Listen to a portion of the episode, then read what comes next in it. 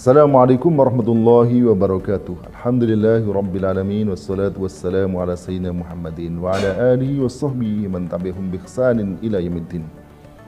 Marhaban ya Ramadan, selamat datang wahai bulan Ramadan. Syahrun adim, bulan yang mulia.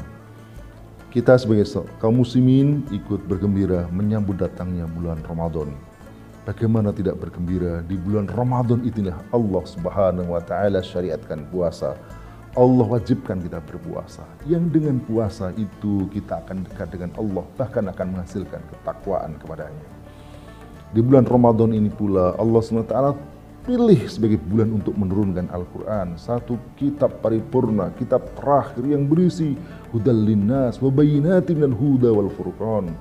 Dan oleh karena itu, di bulan Ramadan ini kita harus perbanyak untuk tadarus, untuk mempelajari, mengkaji Al-Quran dan bukan hanya membaca, mengkaji, mengamalkan, tapi juga memperjuangkan dalam kehidupan. Di bulan Ramadan ini pula, Masya Allah, Allah SWT memerintahkan kepada kita untuk Qiyamul Ramadan. yakni melalui lesan Rasulnya, yakni bagaimana kita menghidupkan setiap malam di bulan Ramadan. Sehingga pada bulan Ramadan ini dalam kita hidupkan dengan salatut tarawih, Jangan sampai ada satu malam pun kecuali kita menegakkannya, mendirikannya. Demikian juga di bulan Ramadan ini Allah Subhanahu wa taala pilih satu malam yang malam itu luar biasa. Itulah malam Qadar, Lailatul Qadar yang khairum min alfi syahr, yang lebih baik daripada seribu bulan. Maknanya adalah al-amal fihi khairum min alfi syahrin fi ghairi Ramadan. Masya Allah. Jadi beramal di bulan di malam itu lebih baik daripada seribu bulan. Ah, Alhamdulillah ya kita tidak mungkin tidak bisa hidup sampai seribu bulan 86 uh, apa tahun. Ya, tapi insya Allah kalau kita mendapatkan ini, masya Allah ya. Oleh karena itu, hari di bulan Ramadan pula kita hidupkan malam-malam terakhir terutama dalam rangka untuk mendapatkan Lailatul Qadar. Demikian juga bulan Ramadan ini oleh Rasulullah Sallallahu Alaihi Wasallam disebut sebagai uh, bulan dibukanya pintu-pintu surga. Ida jaa Ramadanu futtihat abwabul jannah wa ghulliqat abwabu jahannam wa sulsilatis sayatin.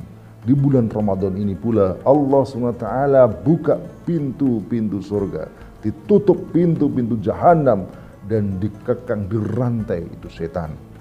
Saudara Allah SWT, makna dibukakan pintu surga, dibuk, ditutupnya pintu neraka bisa bimana hakiki. Betul-betul dibuka dan betul-betul ditutup. Tetapi juga bisa bermakna majazi sebagai disampaikan oleh para ulama. yakni apa? Yakni menggiatkan menggiatkan berbagai macam amal. Yang dengan amal itu kita mendapatkan uh, sawab, mendapatkan pahala dari Allah SWT. Makin banyak berarti makin terbuka lebar pintu surga untuk kita masuki. Demikian juga bulan Ramadan mengingatkan kita untuk menjauhi perbuatan-perbuatan dosa. Jangankan perbuatan yang biasanya dosa, perbuatan yang dia yang biasanya halal boleh dilakukan, makan minum itu bisa kita lakukan bisa kita tinggalkan tidak makan tidak minum apalagi kemudian meninggalkan berbagai macam perbuatan yang sejak sejak awal diharamkan. Maka itu berarti akan menutup pintu-pintu jahanam karena menahan kita membuat kita untuk tidak melakukan perbuatan dosa. Walhasil, saudara dari Allah SWT, semoga kita semua bisa mengisi Ramadan ini dengan puasa Ramadan, dengan berbagai macam ibadah sunnah, ibadah tatahu, yang Masya Allah kita akan mendapatkan pahala yang besar dan akhir Ramadan benar-benar menjadi pribadi yang bertakwa sebagaimana yang dikehendaki Allah SWT la'allakum tattaqun agar kalian menjadi orang-orang yang bertakwa. Semoga kita semua diberi kesempatan bulan Ramadan ini sampai akhir dan menjadi orang-orang yang bertakwa. Dan ketika bertakwa, Moga-moga pula seperti yang diberitakan dalam Al-Quran, kita termasuk orang yang disediakan masuk ke dalam surganya.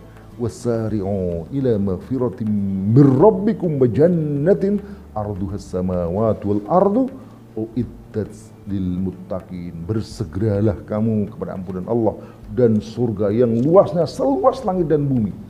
Lalu di akhir disebutkan uiddat lil muttaqin yakni disediakan bagi orang-orang muttaqin betapa senangnya kita Allah menyediakan makanan, Allah menyediakan pakaian, Allah menyediakan berbagai kenikmatan yang lain dan itu kita karena kita menjadi orang-orang yang bertakwa, menjadi orang-orang yang tunduk patuh pada syariatnya dalam semua perkara. Moga-moga kita semua menjadi orang yang muttaqin. Assalamualaikum warahmatullahi wabarakatuh.